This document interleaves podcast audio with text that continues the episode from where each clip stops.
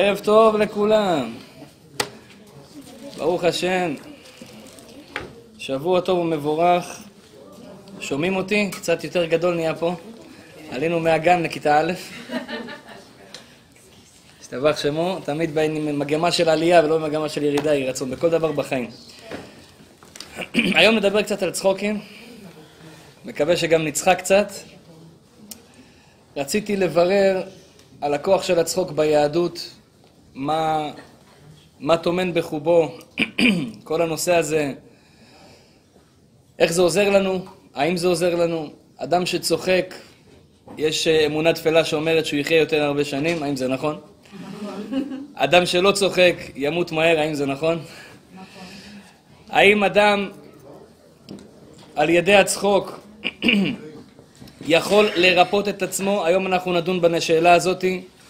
האם על ידי אדם שצוחק הוא יכול לרפות אנשים אחרים וגם את עצמו ממחלות קשות, ממחלות שהדוקטור אומר לו נשאר לך חודש לחיות? אנחנו נדון היום קצת בבדיחות, האם זה טוב לספר בדיחות, האם מותר לספר בדיחות על פרסים, תימנים, אה, גרוזינים, כורדים וכולי וכולי, כן. בעזרת השם, הרבה הרבה צחוקים יהיה היום, יהי רצון כמה שנספיק. הסיבה שאני מוסר את השיעור הזה היום, הייתי בארץ לפני כמה שבועות, אתם יודעים, היה לנו קצת חופשה.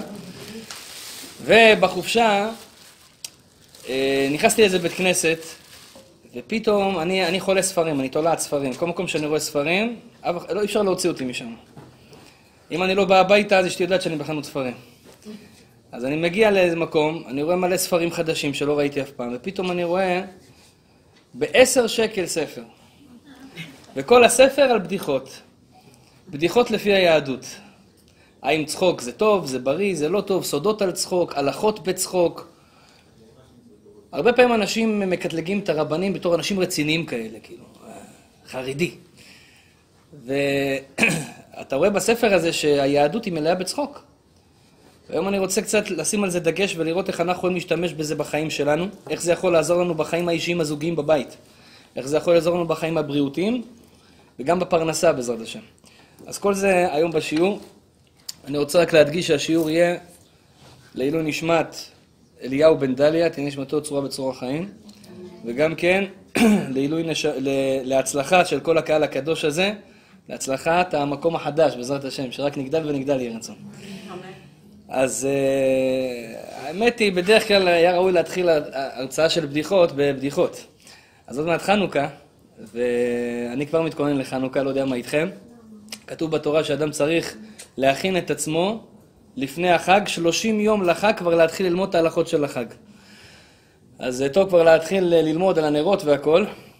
אז אנחנו באווירה של חנוכה כבר עכשיו, אתם הולכים למאפיות, רואים הרבה סופגניות, ברוך השם. אז uh, שמעתי שתי בדיחות על חנוכה, לא יודע, אולי זה יצחיק אותנו. נתחיל את השיעור בצחוקים, כי היה אחד מהרבנים הקדושים, קראו לו רבא. רבא, כל דרשה שהיה מתחיל, כל דרשה שהיה אומר, היה מתחיל בבדיחה. קודם כל מספר בדיחה, לאחר מכן מספר את השיעור. ולמה הוא עושה את זה? כי הבדיחה היא מצחיקה את האדם. כשאדם צוחק, נפתח לו הלב, וכשהלב נפתח, נכנס האינפורמציה הרבה יותר טוב. זאת אומרת, אם אתה רוצה למשל מורה בכיתה, או אבא לילדים, שרוצה שהילדים שלו ישמעו אותו, אם אתה תצחיק אותם שנייה לפני זה, תן להם משהו כיפי, הלב שלו ייפתח, אחר כך תגיד לו משהו שאתה רוצה ממנו, הוא ילך ויעשה את זה. חוש הומור פותח לבבות של אנשים, רבותיי. אז מישהו סיפר לי שכתוב שחנוכה, אומרים שזה חג של, חג של אה, קמצנים. למה חג של קמצנים? כי כל הקמצנים, תשימו לב, נולדו בחנוכה. לא, אני לא רוצה להעליב אף אחד, אבל אומרים שהקמצנים נולדו בחנוכה. למה הם נולדו בחנוכה? כי אתה יודע, זה חוסך. עכשיו, אתה לא צריך לקנות נרות גם בשביל היום הולדת לעוגה וגם בשביל הנרות של חנוכה, אתה יכול על, על הדרך. ברוך השם, נרות גם לחנוכה, גם ליום הולדת. מישהו אחר אמר לי, חנוכה זה חג של נרקומנים. אמרתי לו, "אה." למה? אז הוא אמר, חנוכה חג של מסוממים. אמר לי, למה? אמר לי, אתה יכול להסתובב עם מפכ"ל לבנה מתחת לאף, וכל השוטרים יגידו לך רק בתיאבון וחג שמח. בכל מקרה, יופי. אז קצת הלב נפתח, אז אפשר לדבר קצת בעניינים, בעניינים של צחוק. אומרים חכמים, יש פסוק בתהילים, יושב בשמיים, ישחק. מה זה יושב בשמיים ישחק? כתוב בספרים הקדושים שהקדוש ברוך הוא, מה הוא עושה? כביכול, כן? אנחנו לא באמת יכולים להבין מה בורא עולם עושה, אבל בורא עולם כביכול, מה הוא עושה בשמיים? יושב בשמיים, מה הוא עושה? אומרים חכמים, ישחק. צוחק. אז אתה יכול להגיד, בטח הוא צוחק עלינו. על מה שאנחנו לוקחים יותר מדי ברצינות, יותר מדי דברים. בורא עולם יודע מה הולך להיות איתך בעתיד. הרבה פעמים החיים שלך עוברים, קורה לך איזה משהו, אדם מאבד את העבודה, חס ושלום, לא עליכם, הוא נכנס לסטרס, נכנס ללחץ. בורא עולם בשמיים יודע למה פיטרו אותך מהעבודה. פיטרו אותך מהעבודה כי מחכה לך עכשיו עבודה יותר טובה. אבל אתה עכשיו נמצא בלחץ. אבל יושב בשמיים משחק, הוא מסתכל עליך ואומר לך, אבל חביבי, תחכה שנייה, עוד שנייה, אתה תראה איזה גאולה תבוא לך. מצחיק, זה מצחיק. כי אנחנו חיים את הרגע, אנחנו רואים משהו שקרה לנו, כביכול זה נחרב העולם. אבל יושב בשמיים משחק. כתוב שאדם צריך להידמות לבוראו. מה הוא רחום, אף אתה רחום. מה הוא חנון, אף אתה חנון. ככה כתוב. אנחנו צריכים להיות דומים לבורא עולם. בורא עולם הוא שיא הטוב. בורא עולם הוא שיא החסד. הוא הכי נותן בעולם. אנחנו צריכים להיות כמוהו. אם אני צריך להיות כמוהו, אז כתוב יושב בשמיים משחק. אם בורא עולם צוחק, אז מה זה אומר עליי? זה אומר שהוא גם מצפה ממני שאני אצחק. החיים האלה אנחנו צריכים לצחוק. כתוב בספרים הקדושים, יש, אה, יש סיפור על, אה, במסכת תענית בדף כ"ב, על אדם בשם רבי ברוקה. תראו, בגמרא יש הרבה שמות מצחיקים כאלה. שאחד קוראים לו אביי, אחד קוראים לו ברוקה. שמות מוזרים, היום לא תקרא לבן שלך ברוקה. אבל זה שמות קדושים שהיו לאנשים פעם. רבי ברוקה הזה היה אדם מומחה ומיוחד מאוד. הוא אדם היה מיוחד כי אליהו הנביא היה מתגלה אליו. יעקב, תזכה למצוות. אליהו הנביא לא מתגלה לכל בן אדם. כתוב שרק אדם שנמצא בשמחה גדולה, הוא יכול לקבל רוח הקודש, ואדם שנמצא בשמחה גדולה, הוא יכול שיתגלה אליו אליהו הנביא. יש לי ספר בבית של רבי חיים ויטל, הספר הזה קוראים לו שערי קדושה. בספר הזה הוא מלמד אותך, אם אתה רוצה לראות את אליהו הנביא ולדבר איתו, איך אתה עושה את זה. הוא אומר לך שלב אחרי שלב, מה אתה צריך לתקן במידות שלך, מה אתה צריך לתקן במעשים שלך, שאתה תגיע לדרגה שאתה רואה את אליהו הנביא. אני מכיר אנשים מהדור הקודם וגם מהדור שלנו שזכו לגילוי אליהו הנביא. אז רבי ברוקה הזה יום אחד ראה את אליהו הנביא איפה? בשוק. הוא היה בדרגה כל כך גבוהה, לא בבית אחרי שהוא עושה תפילות ועניינים, בשוק. ראה את אליהו הנביא בשוק. והוא שואל את אליהו שאלה. הוא אומר לו, אליהו, תקשיב, יש לי שאלה אליך. תגיד לי, האם יש אנשים בדור שלנו שאתה יכול להצביע עליהם ולהגיד שהם בני העולם הבא? בן העולם הבא. האם יש פה בשוק אנשים שהם בני העולם הבא? אתה יודע, אנשים פה עוסקים במסחר, כסף. האם יש פה מישהו מהאנשים שהוא בן העולם הבא? אומר לו אליהו הנביא, ככה במבט שטחי, אין פה אף אחד. הם הולכים קצת ביחד, אחרי כמה זמן מצביע לו אליהו הנביא על שתי חבר'ה, אומר, אתה רואה את רואה שתיים האלה? אלה בני העולם הבא. אז כן המצוות. ברוך אתה אדוני אלוהינו מלך העולם שהכל נהיה בדברו. אלה שתי אלה בני העולם הבא. טוב, הם בני העולם הבא. הלך אליהם, אמר להם חבר'ה מה, מה המקצוע שלכם? במה אתם מתעסקים? הם אמרו לו אנחנו סטנדאפיסטים. לא סטנדאפיסטים של היום, סטנדאפיסטים של פעם. הם מכירים אנשים שהם בעצבות, אנשים בבתי חולים, נמצאים בדיכאון, נמצאים במחלה. אנחנו פתחנו ארגון, אנחנו משמחים אנשים, משמחי הלבבות, הולכים, משמחים אותם, מצחיקים אותם, הוא אומר, אנחנו מוצאים אנשים שהם באיזה בר, יש להם איזה מריבה, אחד התחיל עם השני, זה אמר על אימא שלו ככה, זה אמר על סבתא שלו ככה, התחילו מריבה, פתאום הם באים, מתחילים לה, להצחיק את האנשים, להצחיק את האווירה, הם שוכחים מהמחלוקת, עושים שלום. זה, זה העבודה שלהם. כשהוא שמע את זה, זה היה בשבילו משהו לא, לא מובן. הם בני העולם הבא? אני הייתי חושב, בן אדם, אתה יודע, רציני, לוקח את החיים שלו בצורה רצינית, עושה מה שצריך לעשות, מה שבורא עולם מבקש. מן הסתם שהם גם עושים מה שבורא עולם מבקש. אבל דווקא הם, הם דווקא מכל השוק, הם בני העולם הבא. לכל החכמים בגמרא היה השאלה הזאת קשה.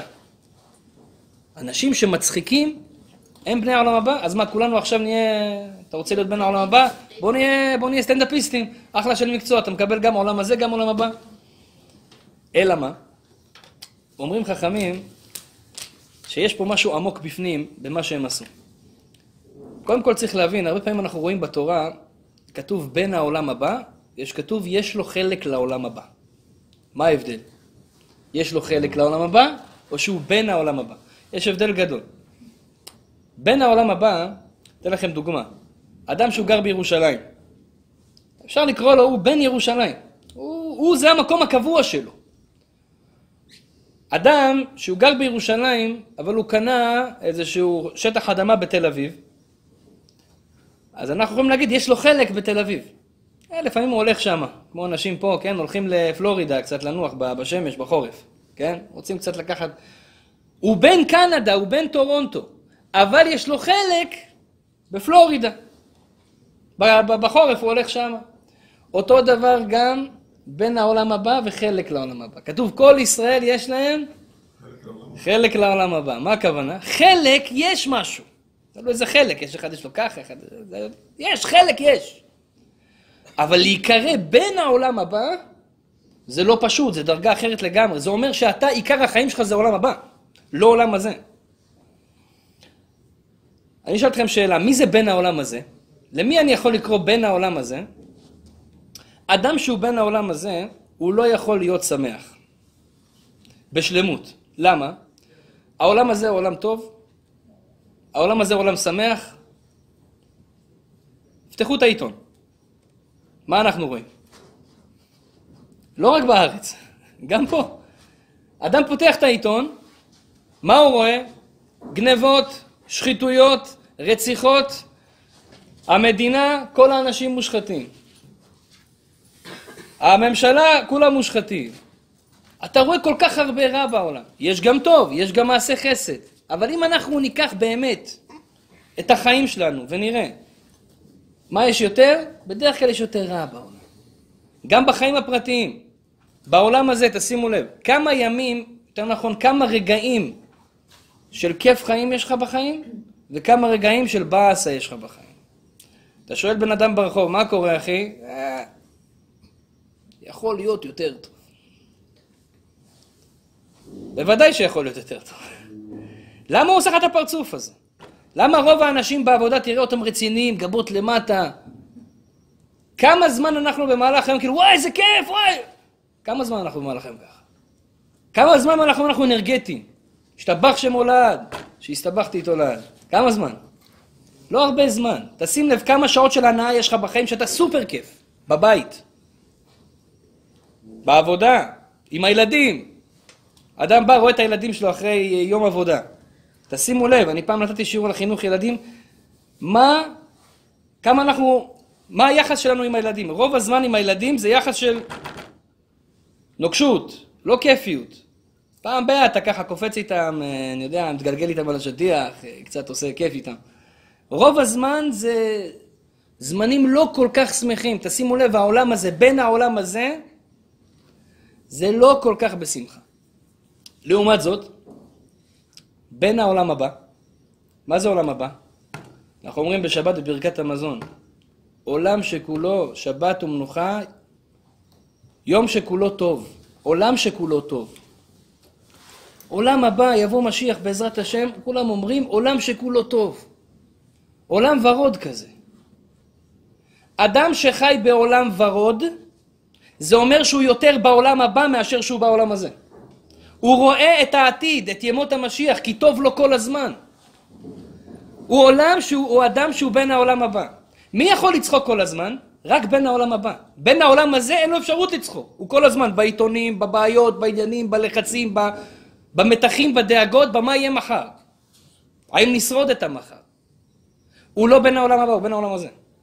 אדם שהוא כל הזמן במגמה של צחוק, הוא לא לוקח ברצינות יותר מדי את העולם הזה, כי הוא מבין שהוא זמני. למה אנחנו עושים מצוות סוכה? מה זה סוכה? צא מבית קבע, כנס לבית ארעי. בסוכה אין מזוזה, למה? שתי סיבות למה אין מזוזה בסוכה. סיבה ראשונה זה זמני. אם אדם עכשיו נכנס לאיזה בית, לפחות משלושים יום, לא חייב במזוזה. אתה יכול לישון בלי מזוזה, אתה לא חייב. פעם ראית מישהו בא לבית מלון, תוקע להם שם מזוזה בחדר? אה, אני יושן פה. הם יתקעו אותך עם מזוזה ביחד החוצה. אני פעם הדלקתי נרות חנוכה בבית מלון, או מה עשו לי. אבל בית קבע ובית ארעי. למה אנחנו יוצאים לסוכה? בורא עולם אומר לך, אתה צריך פעם אחת בשנה לפחות להכניס לך בלב, העולם הזה, זמני, חביבי, זמני, מה אתה לוקח את זה יותר מדי בסטרס? תירגע, הכל בסדר. תצחק קצת, תשמח. אתה בן העולם הבא. אם יש לך את האפשרות הזאת לצחוק ולשמח גם אחרים, מי זה אדם שהוא באמת שמח? שהוא גם יכול לשמח אחרים איתו. תמיד הרב שלי בישיבה אמר, איך אתה יודע שאתה מבין סוגיה, איזשהו עניין, טוב, כשאתה יכול להסביר את זה לבן אדם אחר שהוא גם יבין. אם אין לך את האפשרות להסביר את זה לבן אדם אחר, זה אומר שלא הבנת את זה טוב. ודרך אגב, אם אדם רוצה למסור איזשהו שיעור, איזושהי הרצאה או איזשהו דבר, או שהוא אפילו בעסק, אתה רוצה לשכנע מישהו? כן, אני עכשיו, אנחנו, יש לנו ארגון חדש, ברוך השם. צריך, אנחנו צריכים לשכנע הרבה אנשים לתמוך בנו. אז uh, הרב דוד, השם ישמור אותו, שעובד איתנו ביחד, הוא סידר פה את כל הדברים. אז הוא אמר לי דבר מאוד מאוד חכם. הוא אמר לי, כשאתה מדבר עם בן אדם, ואתה מספר לו על הארגון שלך, אתה יכול להגיד לו מה שאתה רוצה. אבל אם אתה בעצמך לא מבין מה שאתה עושה, ואתה מאמין במאה אחוז בארגון שלך, אז זה לא יעבור אליו בחיים. כי הלב מדבר.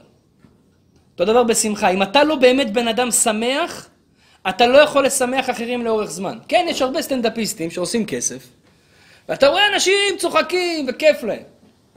הם צוחקים, ודאי. אבל זה לא שמחה שהיא לאורך זמן.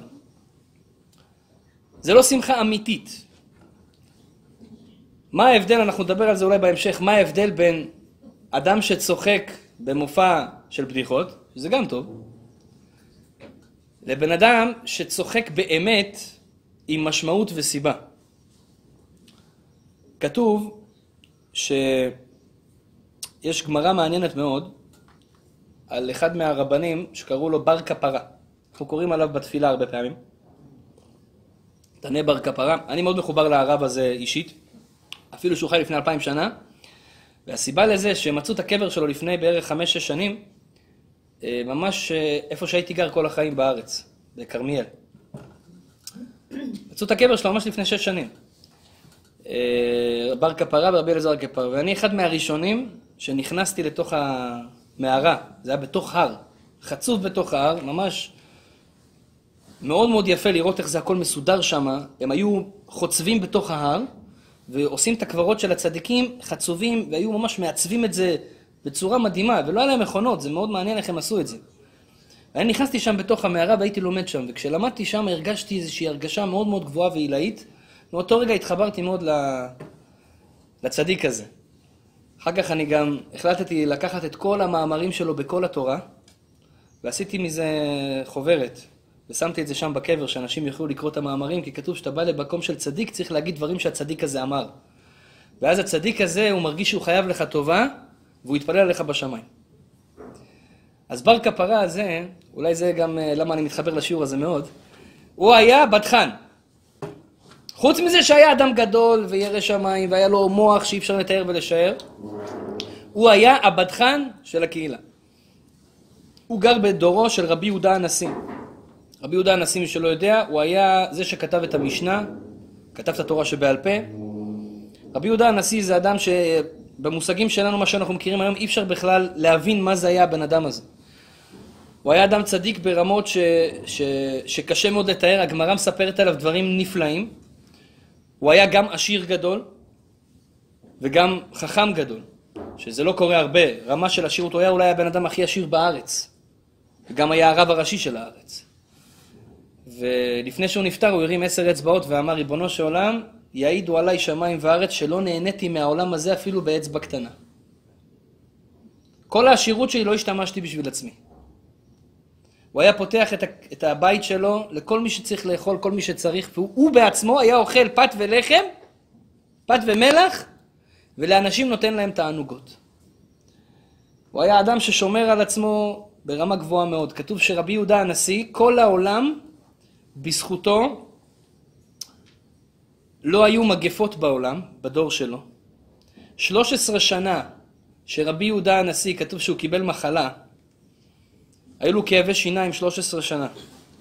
כאבים מטורפים. והוא סבל את הכאבים האלה, וכתוב שכל ה-13 שנה שרבי יהודה הנשיא סבל כאבים, לא הייתה מגפה בכל הארץ, ואף אף אישה לא הפילה 13 שנה, ולא היה חסר לבן אדם פרנסה 13 שנה. וכשהסתיימו ה-13 שנה של הסבל שלו, אז הכל חזר לקדמותו. ואומרים שהוא קיבל על עצמו את האיסורים של כל עם ישראל. לקח מכולם על עצמו, ממש ככה. אז רבי יהודה הנשיא, היה לו משהו שהוא לא היה צוחק. והיה לו גם סיבה נכונה למה הוא לא צוחק. הוא קיבל על עצמו שאני אקבל איסורים וכאבים בשביל שבעם ישראל לא יהיה איסורים וכאבים, כי אני שקול כנגד כל עם ישראל. כל עוד רבי יהודה הנשיא היה מצטער, עם ישראל היה סבבה. כשרבי יהודה הנשיא היה סבבה, אנשים היו מתחילים להצטער. אז הוא לקח על עצמו איסורים. כשבר כפרה רצה להגיע לחתונה של הבן של רבי יהודה הנשיא, רבן גבליאל, רבי יהודה הנשיא לא הזמין אותו. עכשיו בר כפרה היה ככה חבר שלו, תלמיד חבר. לא הזמין אותו לחתונה. בר כפרה נעלב, וואלכ מה זה ככה חברים? בא אליו, אמר לו תגיד לי, אתה עובר עבירה? ככה אתה עושה לי? אומר לו, אני יש לי את הסיבות שלי, אני יודע שכל חתונה שאתה אתה נהיה הליצן של החתונה, שם כל מיני דברים על הראש, עושה ככה, זה, כמו איזה... מתחיל להצחיק אנשים, שם אה, בקבוקים על הראש, מתחיל לרוץ, אתה תצחיק אותי, ואני אהיה בכיף, בצחוק, ואז אנשים בעם ישראל יסבלו, לא רוצה, אל תבוא לי לחתונה. כן, דיון שבין גדולי ישראל. אז בר כפרה אמר לו בסדר, ובא לחתונה. על אפו ועל חמתו. אמר לו רבי יהודה הנשיא דיר באלק, אתה לא מצחיק אותי. אמר לו, אל תדאג, הכל בסדר. מה עשה? התחיל להצחיק אותו. עשה שם מה זה מופע, אי אפשר לתאר ולשער, אנשים שם לא הפסיקו לצחוק, היה מה זה חתונה שמחה, וגם רבי יהודה הנשיא צחק. שואלים חכמים, בר כפרה לא יפה. הבן אדם מבקש, עם ישראל סובל. למה? בשביל מה? בשביל צחוק אחד? בשביל... אבל זה לא מובן מה הוא עשה. ממש לא מובן, הגמרא הזאת לא מובנת. אומרים חכמים, וזה אנחנו צריכים להבין טוב טוב. אמר בר כפרה לרבי יהודה הנשיא, אתה זה שכותב את המשנה, אתה גדול ישראל, איך יכול להיות שהבן אדם הכי גדול בישראל יכול להורות הלכה נכונה, ללמוד תורה כמו שצריך, להיות מיושב בדעתו אם אין לו שמחה, אם אין לו צחוק? זה בלתי אפשרי, אדם בלי צחוק זה לא חי, זה מת. ולכן אני יוצא מגדרי ואני יודע שאנשים יסבלו בגלל זה, אבל אתה חייב לשמוח ולצחוק, נקודה. ופה אנחנו לומדים דבר עצום. כמה חשוב לצחוק בחיים. ולא סתם לצחוק, לפעמים גם צריך להתגלגל מצחוק. אתם יודעים, צחוק זה, זה מדבק, נכון? גם בכי. אדם שצוחק, צוחק, צוחק, צוחק, צוחק. אדם רואה אותך צוחק, אז הוא גם צוחק. שואל אותו למה הוא צוחק? לא יודע, אתה צוחק, אבל מצחיק אותי גם. אתה, זה מתגלגל, זה מדבק. למה אומרים לנו חכמים שצחוק מדבק? בשביל להגיד לך, אתה רוצה שתהיה אווירה בבית טובה? אדם לפעמים יש לו בבית מתח. אומרת הגמרא, קשה מחלוקת בביתו של אדם יותר ממלחמת גוג ומגוג. אתם יודעים מה זה? כולם מפחדים, גוג ומגוג, מלחמת העולם השלישית, יבוא. דרך אגב, גיליתי, אני לא יודע, לא רוצה להפחיד אתכם או משהו כזה, אבל... אוי, אה, איזה אה, תקשיב, תקשיב. אני חייב להגיד לכם, זה- לפני יומיים היה לי שיעור, במוצאי שבת, היה לי שיעור, אחרי השיעור מישהו הזמין אותי, אמר לי, הרב, תבוא בבקשה, יש לי יום הולדת, אני רוצה שתבוא ליום הולדת שלי ותגיד שם לאנשים, יהיה הרבה אנשים, רוצה שתחזק אותם. אמרתי לו, תשמע, יש לי שיעור, אבל בשבילך אני אבוא. באתי, עשר בלילה, ופגשתי שם איזה מישהו, המישהו הזה אמר לי, אני פעם אמרתי בשיעור, שכתוב שגוג, זה שיעשה את מלחמת העולם השלישית, הוא יצא, הגמרא במסכת יומא בדף י' אומרת, איפה זה מגוג? הוא יצא מארץ שנקראת מגוג. אז הגמרא שואלת, איפה זה מגוג? הגמרא אומרת, מגוג זו קנדיה. כשאני ראיתי את זה, אמרתי, בוא'נה, אנחנו על המפה. מגוג זו קנדיה. אמרתי, וואלה, אז גוג הוא איפשהו פה מסתובב. אז, אבל, אתה יודע, לא הייתי בטוח, כי יש שם מפרשים, רבנו חננאל וזה, אומרים, תשמע, פעם היה עיר ביוון שקראו לה מגוג, אחד אומר בקזחסטן היה עיר שקראו לה מגוג, אז אולי זה שם, הם דיברו פעם, פעם היא בכלל לקנדה, אז קצת נרגעתי. אבל לפני, במוצאי שבת, הבן אדם אומר לי, תשמע, מצאתי עיר בקוויבק שקוראים לה מגוג. ואז נכנסתי לבלאגן. אמרתי לו, אני לא מאמין לך, אז הוא נכנס לרב ויקיפדיה, והוא הראה לי את זה בוויקיפדיה. ואם אתם לא מאמינים, אל תאמינו לי, לכו תחפשו. יש עיר שנקראת מגוג בכל העולם, בקנדה, פה אנחנו על המפה חבר'ה. anyways, נחזור לענייננו. קשה המחלוקת בביתו של אדם יותר ממלחמת גוג ומגוג. מה הכוונה? גוג ומגוג זה מלחמת עולם. תדע לך, הפחד שיכול להיות במלחמת עולם, הלחץ כשיש לך מחלוקת בבית זה יותר גרוע. זה קשה, קשה מחלוקת. אז איך אנחנו עושים שלא יהיה מחלוקת? פשוט. צחוק מדבק, חבר'ה. תאמין לי שאם בן אדם יבוא הביתה, ייתן מה זה חיוך לאשתו, חבל על הזמן. לא משנה כמה היא רוצה לראות עליו, ככה ברור זה יבטי לי מה שקרה לה כל היום. היא בחיים לא תגיד לך מילה. למה? חבל, עד שאתה צוחק, לא רוצה להרוס את ה- לא רוצים להרוס את המוז, אותו דבר גם הפוך, כן, אמרתי סתם אה, בגבר לאישה, אבל אותו דבר הפוך. לא רוצים, לה, למה? זה גם מדבק. בן אדם נמצא בכעס, אתה אומר לו, אחי, תרים גבות, מה קורה? הכל תראה. תעשה לו איזה משהו כזה מוזר. פתאום הוא, הכל יתלמס לו. מה קרה? צחוק. צחוק זה מרפא, זה משהו מדהים. אי אפשר בכלל לתאר כמה זה עוזר. אתם יודעים ש... אה, אה, אז אה, דיברנו על רבי יהודה הנשיא, אז בר כפרה בא והצחיק אותו. הוא אומר לו, אתה לא יכול לחיות נכון אם אין לך צחוק בחיים. צחוק זה, זה יקר המציאות. אני אקרא לכם פה, כתבתי. המאירי, אחד מגדולי הראשונים לפני 800 שנה. אה, כן, יש לי. בעיה, אני נותן מכות בכל מקום. יהיה לי רעידת אדמה ברקע. בסדר, אתה תסלח לי חביב. אתה בעריכה יכול לעשות הכל, אני יודע. המאירי כותב, תשמעו חבר'ה.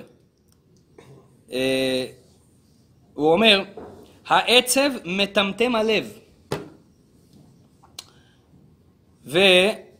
וסותם שבילי החוכמה וההבנה.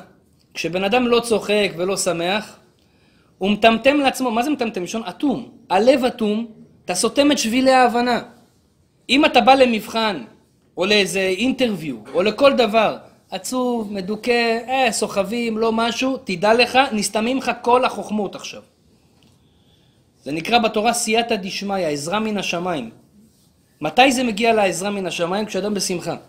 אני לפעמים בא לשיעור, אני נוסע פה ברוך השם כבר כמה שיעורים, ש- ש- כמה, ש- שנה, שנתיים, עושים שיעורים, לפעמים אני בא, אתה יודע, מצב רוח כזה על הפנים. ואז אני אומר לעצמי, כן, אני אומר לכם מה שקורה לי בלב עכשיו. אני אומר לעצמי, ישראל, אנשים באים לשמוע אותך וזה. אתה ככה במצב רוח לא זה, אתה תעביר להם את זה. אתה חייב לשמח את עצמך. אז מה אני עושה? עושה לי פרצופים. אומר לכם את האמת. אני מתחיל לחייך בכוח. כי אתה חייב לשמוח. רבי נחמן אומר, עדיף שתשמח בכאילו מאשר תהיה תעצוב באמת. זכרו את המשפט הזה לכל החיים. אתה קם בבוקר, אתה רואה את העננים בחוץ, הבן שלי לפני כמה זמן לקחתי אותו לבית, אה, לקחתי אותו לבית ספר. לא, לא לקחתי אותו לבית ספר, לאיפה לקחתי אותו? יש מישהו אחר שלוקח אותו לבית ספר. לקחתי אותו, כן, הוא לא הלך לבית ספר, אז לקחתי אותו למקום אחר, לא זוכר לאן, והיה יום כזה מעונן. ואז הבן שלי כזה, בקטע כזה בכייני, אומר לי, אבא, למה יש יום כזה היום? אמרתי לו, מה הבעיה ביום? הוא אומר לי, העננים אפורים.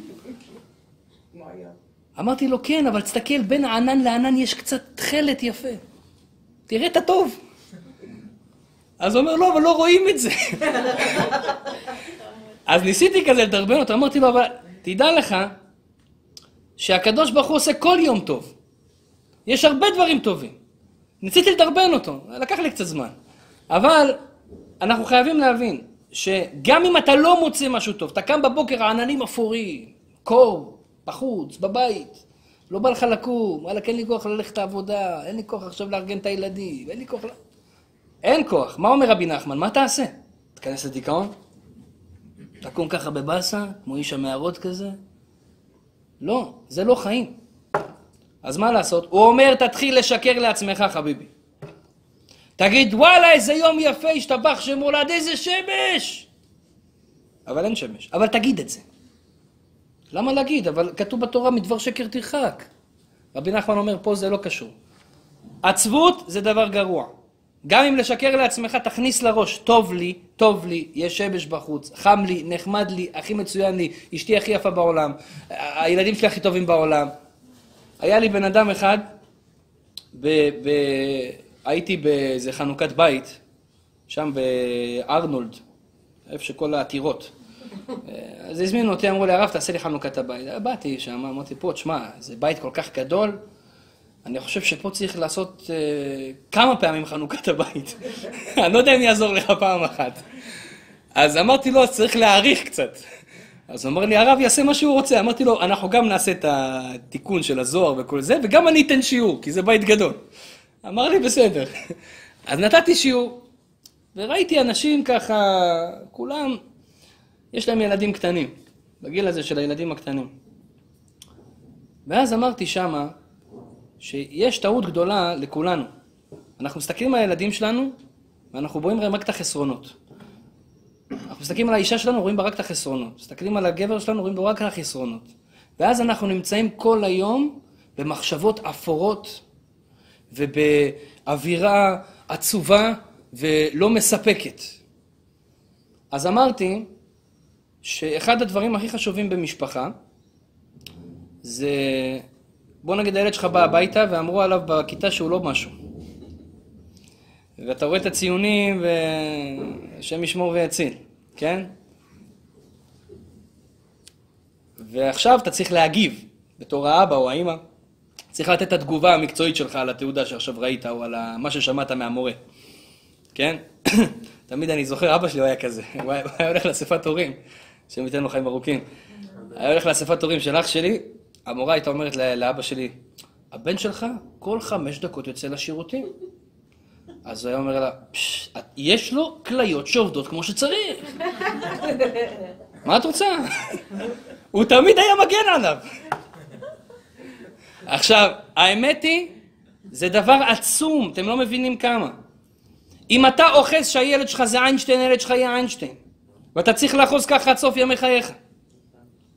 אתה צריך לבוא ולהגיד לו כל הזמן שהוא הכי טוב ושהוא הכי בזה, אפילו שאתה משקר לעצמך, התעודה שלו זה חמישים. אבל זה לא מעניין אותי מה אני רואה בתעודה.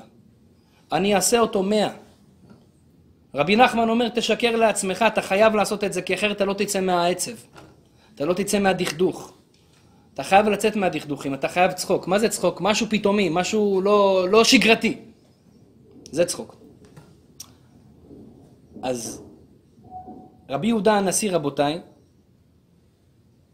שבר כפרה הצחיק אותו, הוא הצחיק אותו בגלל שהיה לו סיבה נכונה. בלי זה אתה לא יכול לחיות. בלי צחוק אי אפשר לחיות, בלי שמחה אי אפשר לחיות. רש"י כותב במסכת סנהדרין, דאגת הלב על מזונותיו גורמת לשכחת תלמודו, והשמחה משכחת הדאגה.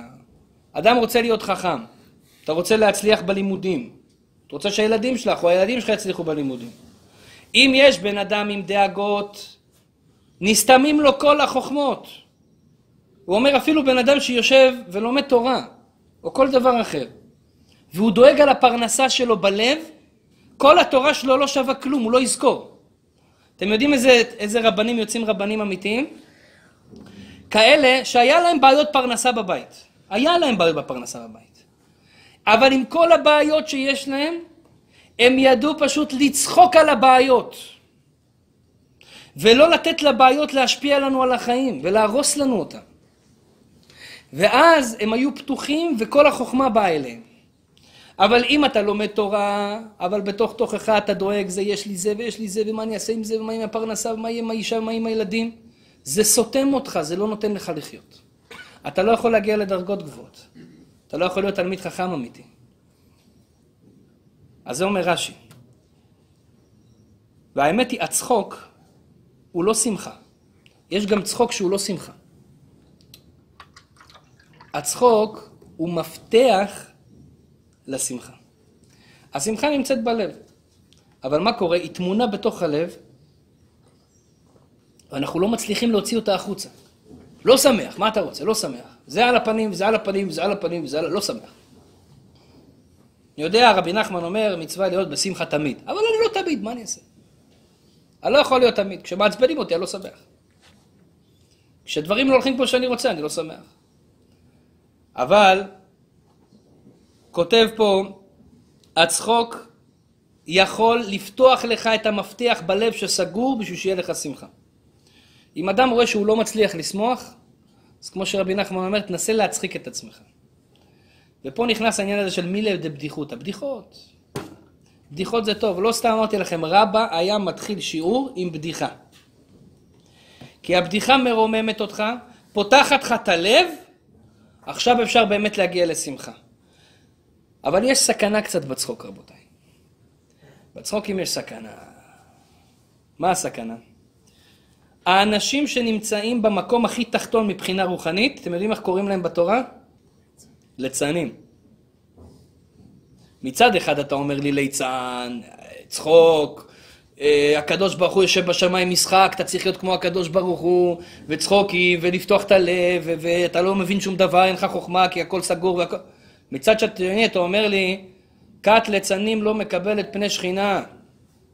אנשים ליצנים, זה לא, זה לא טוב, זה בעיה, זה הבעיה הכי גדולה אולי. אז מה ההבדל? מה ההבדל בין ליצנות לליצנות? כתוב, קראנו לפני שתי פרשות בתורה, פרשת תולדות. אחת הפרשות האהובות עליו יותר. כל הסיפור של השידוך, יצחק, רבקה, כזה מאוד נחמד, רומנטי כזה. והתורה שם מתחילה בפסוק הראשון, אומרת ככה: ואלה תולדות יצחק בן אברהם, אברהם הוליד את יצחק. עכשיו, כל בן אדם עם קצת אה, עמקות בתוך המחשבה יבין שיש פה בעיה רצינית בפסוק הזה. מה הבעיה? עוד פעם. ואלה תולדות יצחק בן אברהם, אברהם הוליד את יצחק. מה זה תולדות? אלה ההולדות, אלה, זה ההמשכיות של יצחק, נכון? הרגע אמרת לי, אלה תולדות יצחק בן אברהם. אברהם הוליד את יצחק. לפני שנייה אמרת לי, מה אתה צריך להגיד לי עוד פעם? אלה תולדות יצחק בן אברהם. אז אני מבין שאברהם הוליד את יצחק, כי הרי זה תולדות של יצחק בן אברהם. כל החכמים לא מבינים מה זה, התורה לא כותבת אות אחת מיותרת.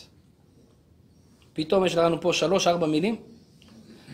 אלא כותב רש"י פירוש, והוא אומר ככה: למה הגמרא אומרת, למה התורה אומרת אברהם הוליד את יצחק ללמדך שיצחק היה קופי של אברהם. הוא הוליד אותו, הוא היה קופי שלו. דומים שתי טיפות מים. אחד לשני. ולמה הם היו צריכים להיוולד כל כך דומים? תעשה אותו דומה לשרה, שרה כתוב שהייתה האישה הכי יפה בעולם. כתוב כל הנשים בפניה כקוף בפני אדם. אתה יודע איזה יופי זה? חבל הזמן. אברהם סירק אותה, ברוך השם. מצא בחורה שופרה דה שופרה. אבל שתהיה דומה ליצחק, תהיה יפהפייה, יהיה יפה, בחור יפה ככה. למה דווקא אברהם? הוא יהיה דומה לו. כי אמרו ליצני הדור, אומר רש"י. מאבימלך נתעברה שרה. הרי מה קרה לפני שנייה? לפני שקרה את כל ההיריון עם יצחק, הם ירדו לגרר, מלך פלישתים, ושם היה אבימלך, הוא לקח את שרה, אברהם אמר שהיא אחותו, שהוא, שהיא, תגידי שאחותי את, למען ניטב לי בעבורך, וחייתה נפשי בגללך, על אחרת הם יהרגו אותי אם אני בעלך, שיקחו אותך, את כל כך יפה, אתה ידעתי כי אישת יפה מראה את. אז לקחו את אבימלך, הייתה שם אצלם לילה אחד, פתאום הוא ראה שכולם מתחילים לקבל מגפות, בעיות, לא נכנסים להיריון, בלאגנים היה להם בממלכה שמה. הוא הבין בחלום, אמרו לו זה בגלל שרה, היא אשת איש, היא נשואה לאברהם, הוא קם בבוקר, אומר לאברהם, למה שיקרת לי? אתה רוצה שאני אמות? אתה רוצה שיעשו לי, שבורא העולם יעשה לי עונשים? הוא בא לי בחלום, אמרו לי כך וכך, תיקח אותה בחזרה. אז היא הייתה אצלו. באו ליצני הדור ואמרו מאבימלך, הרי למה מאבימלך? אברהם כל כך הרבה שנים, מאה שנה, עוד לא הכניס אותה להיריון, עוד לא היה שם שום ילד. פתאום אחרי שהיא באה מאבימלך, הופ, נולד יצחק.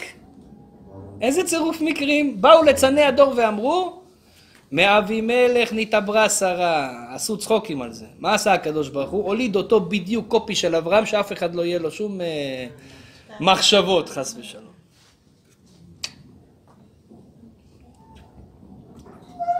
מה זה ליצני הדור? תשימו לב, ליצני הדור זה לא אדם שמספר בדיחה. הם לא סיפרו בדיחות פה. הם לגלגו וצחקו על אברהם. מה ההבדל בין צחוק כשר לבין צחוק שהוא נקרא ליצני הדור ולא מקבל פני שכינה כת לצים? כמו שכתוב בתהילים בפרק הראשון, אשרי איש אשר לא הלך בעצת רשעים ובדרך חטאים לא עמד ובמושב לצים לא ישב. אז אם מושב לצים לא ישב, מי זה המושב לצים האלה? אמרנו שצחוק זה טוב, מה, מה, מה הבלנס, מה ההבדל? אומר לך, ההבדל בין צחוק כשר לצחוק לא כשר, צחוק לא כשר זה ללגלג, זה להשפיל, זה להוריד, זה להראות איפה שאתה בן אדם אחר לא בסדר או משהו לא בסדר. צחוק טוב זה דבר שמשמח את הלב, הרי מאיפה בא צחוק? אם אדם ייכנס לפנימיות של הצחוק, צחוק זה משהו לא צפוי. כשבן אדם אומר לך משהו שלא ציפית שהוא יגיד את הדבר הזה, אז פתאום זה מצחיק אותך. צחוק זה משהו לא צפוי. בגלל זה תשימו לב, המקומות היחידים כמעט בתורה שכתוב צחוק, בצורה הכי גדולה, זה, איפה זה? בסיפור של אברהם ושרה. למה זה צחקה שרה? שואל הקדוש ברוך הוא. כששרה שומעת שיהיה לה ילד בגיל 90, מה כתוב? ותצחק שרה בקרבה לאמור, אחרי בלותי הייתה לי עדנה ואדוני זקן? אז היא צוחקת. ואז הקדוש ברוך הוא אומר לאברהם, למה זה צחקה שרה? לאמור אף אמנם אלד, ואני זקנתי. היפלא מאדוני דבר? למועד אשוב אשוב אליך כעת חיה ולשרה בן. אז אתה רואה צחוק שם משחק תפקיד. עכשיו כתוב שגם אברהם צחק. ולכן קראו ליצחק יצחק. כי אברהם ושרה צחקו. אז קראו לו ככה בגלל הצחוק. ואחר כך בפרשה כתוב שהם גדלו הנערים, ויגדלו הנערים, מי זה הנערים? ישמעאל היה בן 13, יצחק נולד, יצחק קצת גדל, גם ישמעאל גדל. ותראה שרה את בן הגר המצרית מצחק. היא ראתה אותו מצחק. מה זה מצחק? מה הוא עשה שם? אז אומרים חכמים מצחק, הכוונה רצה להרוג את יצחק.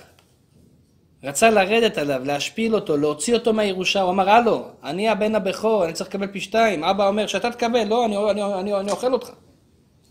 אני מוריד אותך, אני משפיל אותך. אדם שמשפיל אחרים זה צחוק לא טוב. מושב לצים לא ישב, אתם יושבים כמה חבר'ה על איזה כוסית וודקה או ויסקי. אין בעיה. אבל כשזה מתחיל כבר להיות השפלות, שאחד מתחיל להתנשא על השני, תדע לך חביבי, את, את או אתה נמצאים במושב לצים.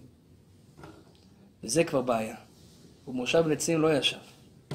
אבל איפה הצחוק הוא כן טוב? הוא טוב שאתה לוקח את זה ברמה האישית או גם ברמה החברתית, ושאתה עושה את זה כשר. אין שום בעיה לספר בדיחה, לפתוח את הלהבות של אנשים. אתה יושב באוטובוס, אתה רואה איזה בן אדם עצוב ככה, מסכן, תשוש אחרי יום עבודה. תן לו איזה בדיחה, תשמח את הבן אדם.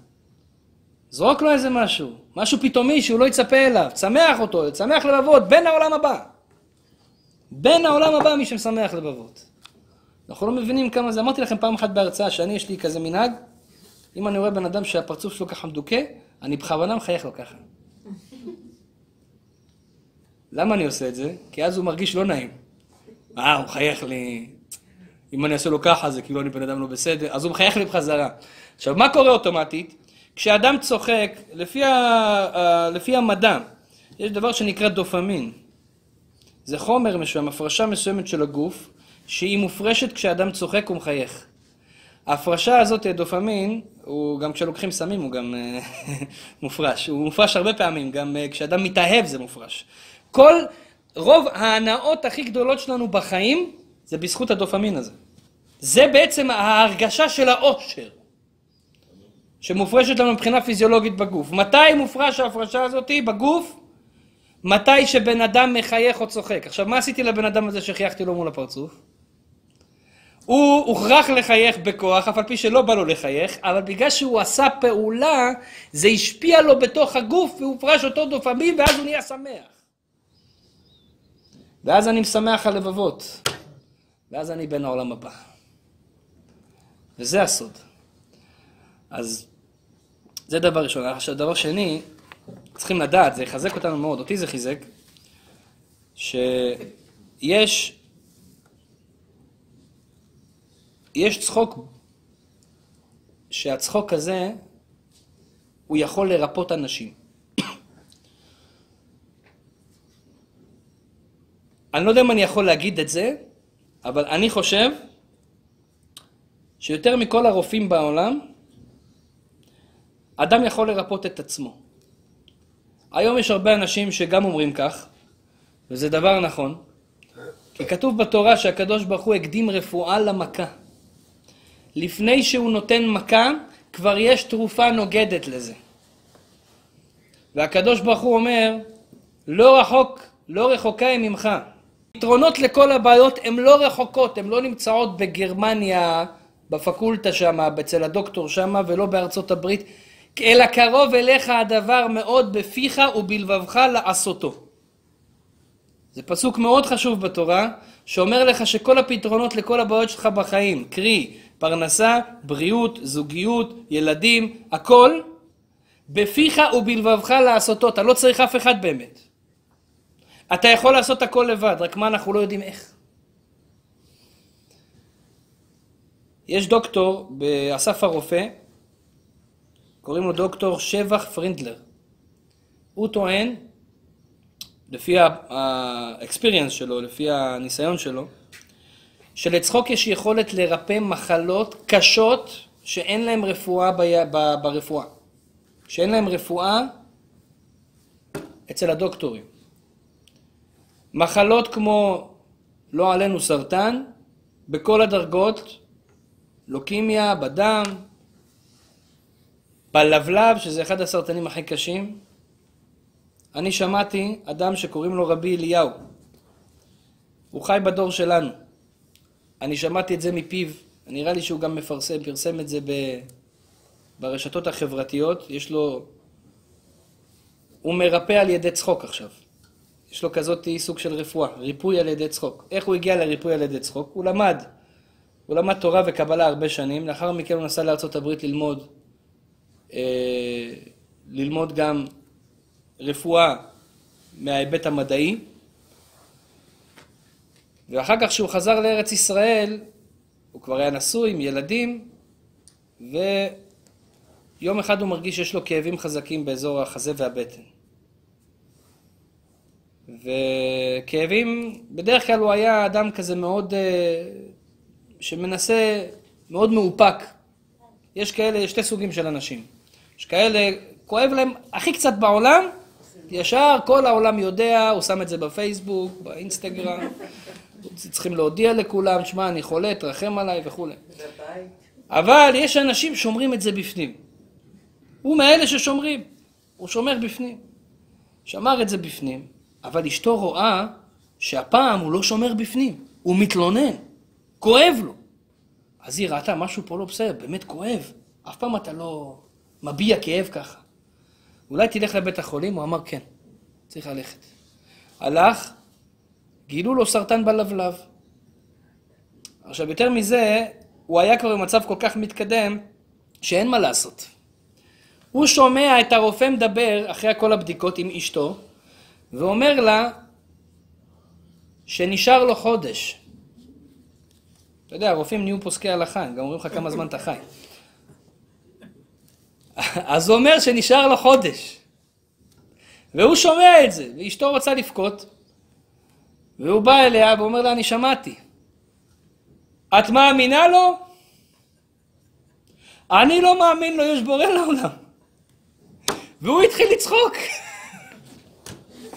הוא אומר, פשוט התחלתי לצחוק. למה? הוא חקר את העניין הזה של הצחוק, והוא אמר, הקדוש ברוך הוא מנסה אותי, כי אני אומר לכולם שצחוק ושמחה יכול לרפות הכל, ורבי נחם ברסלב אומר ששמחה היא שורש לכל הרפואות. ואני אומר את זה לכולם, אז עכשיו הקדוש ברוך הוא רוצה לראות שאני לוקח את זה ברצינות על עצמי. ככה הוא ראה את זה.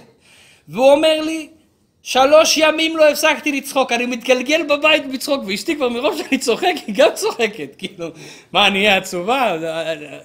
היא חשבה שזה מהשיגעון, ממה שקיבלתי, מה...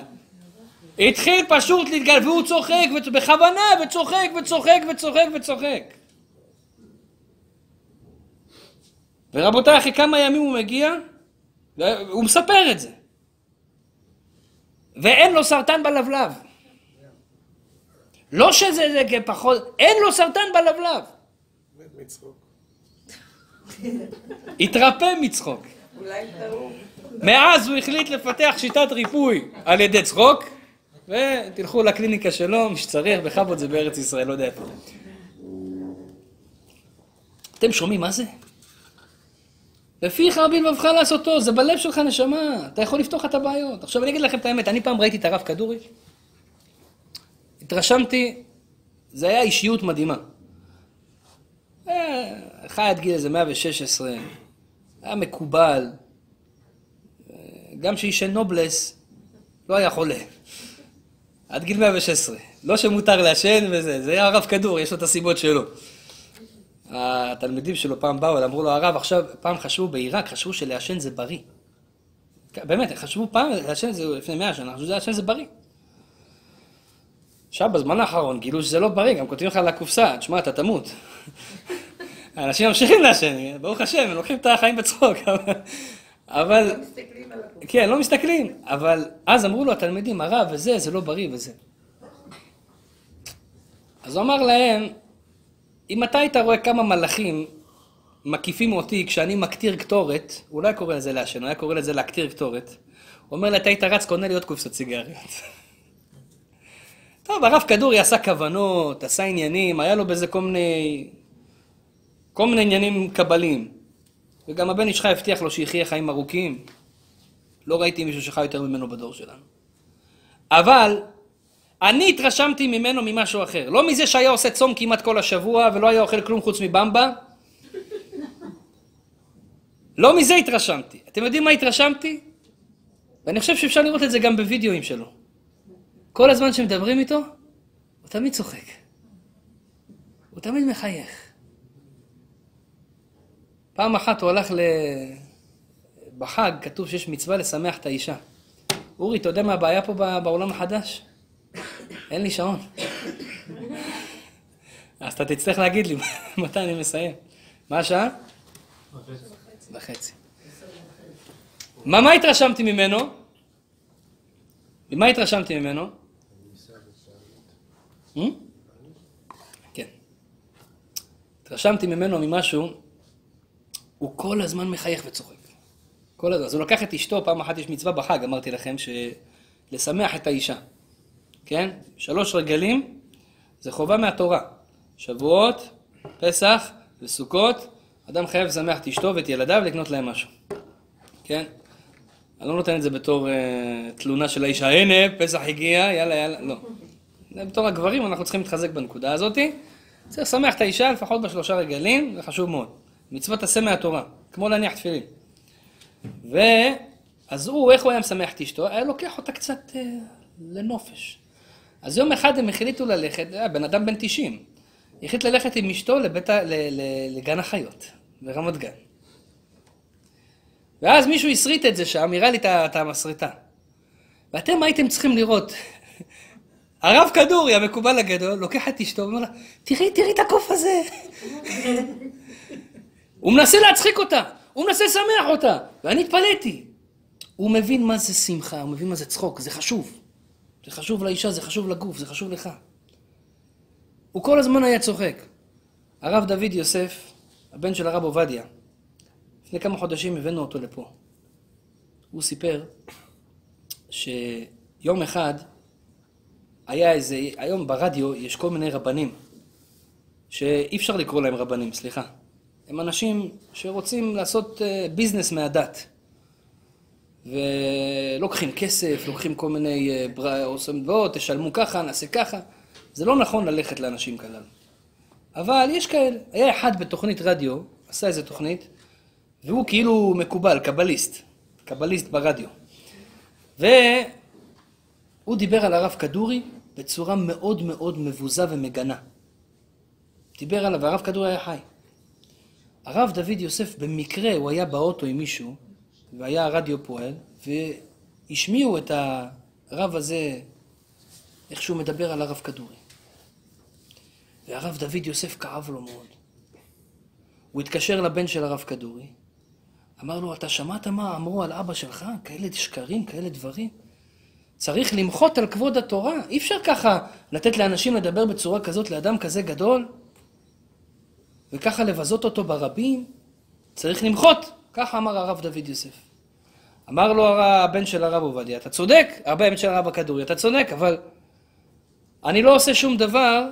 הם רצו לעשות איזה עצרת ולהגיד שמה שמה שהבן אדם הזה עשה, אנחנו נגד זה ו- וכולי. אבל, הוא אמר, אי אפשר לעשות את זה בלי לשאול את הרב בעצמו. אז הם אמרו, טוב, בוא נלך לרב. והם הלכו לרב כדורי, הוא למד בדיוק, אחר כך הם דיברו איתו, אמרו לו, הרב, קרה איזה עניין ברדיו, איזה אדם אחד כזה, אמר עליך דברים מאוד מאוד מאוד לא, לא יפים. אז הוא שאל אותו, כן? מה הוא אמר? בהתלהבות. מה הוא אמר? אז אמר לו, הרב דוד יוסף אמר לו, אני מחילה, אני אפילו לא יכול להוציא את זה מהפה שלי. קשה לי להוציא את זה מהפה. הוא אומר, לא, לא, תגיד לי מה הוא אמר. הוא הפציר בו. אז הוא אמר לו. אמר לו, ככה אמר עליך ככה, ואמר עליך ככה, ואמר לך שאתה כזה ושאתה כזה. ואתה רואה איך החיוך עולה לו על הפנים. באמת? ככה הוא אמר עליי? הוא התחיל לצחוק. ככה? ומה, כולם שמעו את זה? כמה אנשים? זה היה בכל המדינה. באמת? השתבח שמות הרב. והוא צוחק. ואתה, אם היית רואה את הבן אדם הזה, קשיש בן יותר מ-90, בן 100, שביזו אותו קבל עם ועדה, והוא צוחק. ואז הוא אומר לו, אני מבקש ממך, אתה אל תעשה שום דבר. חס ושלום. מה שהיה, היה, ככה זה צריך להישאר. אבל הרב, זה כבוד התורה, לא מעניין אותי. ככה הוא אמר עליי. השתבח שם. רבותיי, זה לא סתם שהוא אמר, טוב, אמר, בסדר, אני מוחל לו, אני לא מקפיד עליו. הבן אדם צוחק, מבזים אותך ברדיו, כל העולם שומע עליך. רבותיי, אנחנו מכירים סלבריטיז שעשו להם פושות ברדיו, הם התאבדו. תראה איך הוא מקבל את זה. בצורה כל כך יפה. מה הסוד של הרב כדורי, רבותיי? אז אני אגיד לכם מה הסוד שלו. כתוב בפסוק גם בתהילים. כתוב שכשיעבור משיח, אז ימלא שחוק פינו ולשוננו רינה. מה הכוונה? אנשים שואלים, כשיבוא משיח, מה יהיה? מה נעשה כשיבוא משיח? תארו לעצמכם. מה אנחנו נעשה? עכשיו מודיעים לך פה, ברמקול, חבר'ה, המשיח הגיע. טוב, הולכים לראות את ההצגה הגדולה וזה. מה קורה, מה העניינים? מה ישתנה בעולם כשיבוא משיח? אתם יודעים מה ישתנה? מה הפעולה הראשונית שכולנו נעשה ברגע שאנחנו נגלה את האמת על החיים? מהי הפעולה? אומרת, אומרת, אומרת הפסוק בתהילים, אז ימלא שחוק רילו. כולנו נשב, פשוט נתגלגל מצחוק. על מה נתגלגל מצחוק? ולשוננו רינה, אז ימלא שחוק, על מה? אתה תבין שכל מה שעברת בחיים זה הכל היה ניסיון, שכל הלחצים וכל הטרדות וכל הדאגות וכל הבעיות וכל מה שהילדים שלך עשו לך ואשתך עשתה לך ובעלך עשה לך ומה שהבוס שלך בעבודה עשה וזה הכל היה מהקדוש ברוך הוא מתוכנן לטובתך, בשבילך, לנשמה שלך שתעלה ותגדל, כי זה מה שאתה צריך לעבור. ואז אתה תבין כמה זה היה טוב לי, שעשיתי אפילו תאונת דרכים. כמה זה היה טוב לי שפיטרו אותי מעבודה, כמה זה היה טוב לי כל הדברים הללו. שאני אבין מה זה עושה ומה זה מתקן אצלי, ולמה זה קרה לי, ואתה פשוט תצחק ותגיד בואנה איזה טיפש הייתי. איך לא הבנתי את זה, איך נכנסתי לסטרס בכלל? איך בכלל לקחתי את זה ברצינות, את כל העולם הזה? אז ימלא שחוק פינו ולשוננו רינה. אתם יודעים שלפי המחקרים, ילדים צוחקים בין 300 ל-400 פעמים ביום. ילדים. ומבוגרים צוחקים בין 15 ל-100 פעמים ביום. למה יש כזה פער גדול בין ילדים שצוחקים למבוגרים שצוחקים? הסיבה היא שילדים קשורים יותר לעולם הבא מאשר שהם קשורים לעולם הזה. הוא רק הגיע, הוא רק נולד, הוא עוד שמה היה. הוא עוד לא הספיק להיכנס ל stock market, לא, למניות, הוא עוד לא נכנס לבלגנים, הוא עוד לא נכנס. הוא עוד לא קבור בשטויות של העולם הזה, במכוניות, בלקסוסים, בטסלות, בלא יודע מה היום מייצרים כבר. הוא לא קבור שם עדיין. הוא עדיין בעולם העליון, בעולם שכולו טוב. הוא רק הגיע. כל דבר מצחיק אותו, כל דבר משמח אותו. אני מקנא בילדים שלי. אבל כשאתה כבר נמצא פה מבוגר, ואתה מכיר כבר את העולם הזה, שהעולם הזה הוא, הוא לא צחוק. העולם הזה הוא יותר מדי רציני. אז ממילא אתה מאבד את זה. אתם יודעים שילדים קטנים, יש סגולה להרגיע ילד בוכה. איך מרגילים ילד בוכה? איך מרגיעים אותו? אז כתוב, הרב מעבר יבוק, רבי אהרון אה, ברכיה דימודינה, לפני 350 שנה, הוא כותב, אם אתה תשאיר לו שירים של הסליחות, או שירי שבת, הוא יירגע. עכשיו, אני עשיתי את זה בבית. הבן שלי בוכה, אני תופס אותו ככה, אדון עשה לי... פתאום מסתכל עליי, הוא מתחיל כאילו... גם ניסיתי אייל גולן, זה לא עבד. אדון עשה... למה? אז רבי אהרון ברכיית לימודינה אומר, תשמע, הוא רק עכשיו הילד הקטן, הוא הגיע מעולם העליון שם המלאכים, כתוב מה ששרים הלוויים בעולם הזה, מה ששרים עם ישראל, המנגינות ששרים פה בבית הכנסת ובשבת, זה המנגינות בעולם הבא. המנגינות האלה הן קדושות, תדעו לכם. והוא זוכר את המנגינות האלה בתת מודע שלו, רק הגיע, הוא חדש. זה עושה לו פלשבק למה שהיה שם, לעולם שכולו טוב, לרוגע הוא נרגע. אני שר לילדים שלפני שהם הולכים לישון כי יש שמירה שבת, הם בהיי. למה? זה מרגיע. אז ילדים צוחקים הרבה יותר כי הם קרובים יותר לעליונות, ולכן זה בעצם המוסר השכל האמיתי בשבילי ובשביל כולנו מה, מהעניין הזה של הצחוק, רבותיי. מה זה צחוק? אדם שצוחק זה אדם שיותר קרוב, שהוא בן העולם הבא. הוא מבין שהעולם הזה הוא ארעי. הוא מבין שהעולם הזה הוא באמת, הכל זה ניסיונות, וכל הניסיונות הם לטובה. בורא עולם מנסה אותנו בכל פינה ובכל מקום, והוא אומר לך, תשמע, אז ימלא שחוק פינו, אתה תמיד תחשב, צריך לחשוב על העתיד. אתה יודע מה יקרה בעתיד, שיבוא משיח? אתה תסתכל על מה שקורה לך עכשיו במשבר הזה, ואתה תצחק. אז למה לך לחכות למשיח? עכשיו משיח, משיח נאו, אומרים החב"דניקים. מה הם מתכוונים כשאומרים משיח נאו? אתה תיקח את ההבנה הזאת של המשיח, שאז ימלא שחוק פינו, שהשמחה, עכשיו תביא אותה לפה, למה אתה צריך לסבול עכשיו? ופשוט תתחיל לצחוק כמו הרב כדורי. כי הרב כדורי הבין שמה שיורדים עליי ואומרים עליי ומשפילים אותי עכשיו ברבים זה רק לטובתי, אני לא יודע איך, אני לא יודע למה, אבל בורא עולם יודע מה הוא עושה, הוא יודע. אז תודה רבה בורא עולם שצוחקים עליי, השתבח שמו, באמת צוחקים עליי, זה כיף. כי אז ימלא שחוק פינו, כי כשיבוא משיח אני אבין שזה לטובה, אז עכשיו כבר אני רוצה את המשיח. עכשיו זה כבר לטובה. הכל זה תיאוריה. יהי רצון שהקדוש ברוך הוא יביא אותנו לפרקטיקה, ולחיות את זה יום יום. יהי רצון שהקדוש ברוך הוא יברך את כל הקהל הקדוש הזה, גדולים וקטנים, שהם ישלח לכם חיים של ברכה, חיים של שמחה, חיים של צחוק, צחוק של קדושה. כל מה שנעשה ונצליח. תודה רבה לכל מי שארגן, כל מי שעשה, בעזרת השם עלינו קומה. אנחנו נהיה פה מעכשיו והלאה, כולנו מוזמנים לבוא, להביא חברים, ובעזרת השם אני מברך את כל הקהל הקדוש הזה, וכל אחד ואחד מכם שיביא עוד חבר, יש לו זכות שמשמח עוד יהודי, שלכולנו יש שבוע טוב ומבורך אמן ואמן. אם יש שאלות, בבקשה, יש...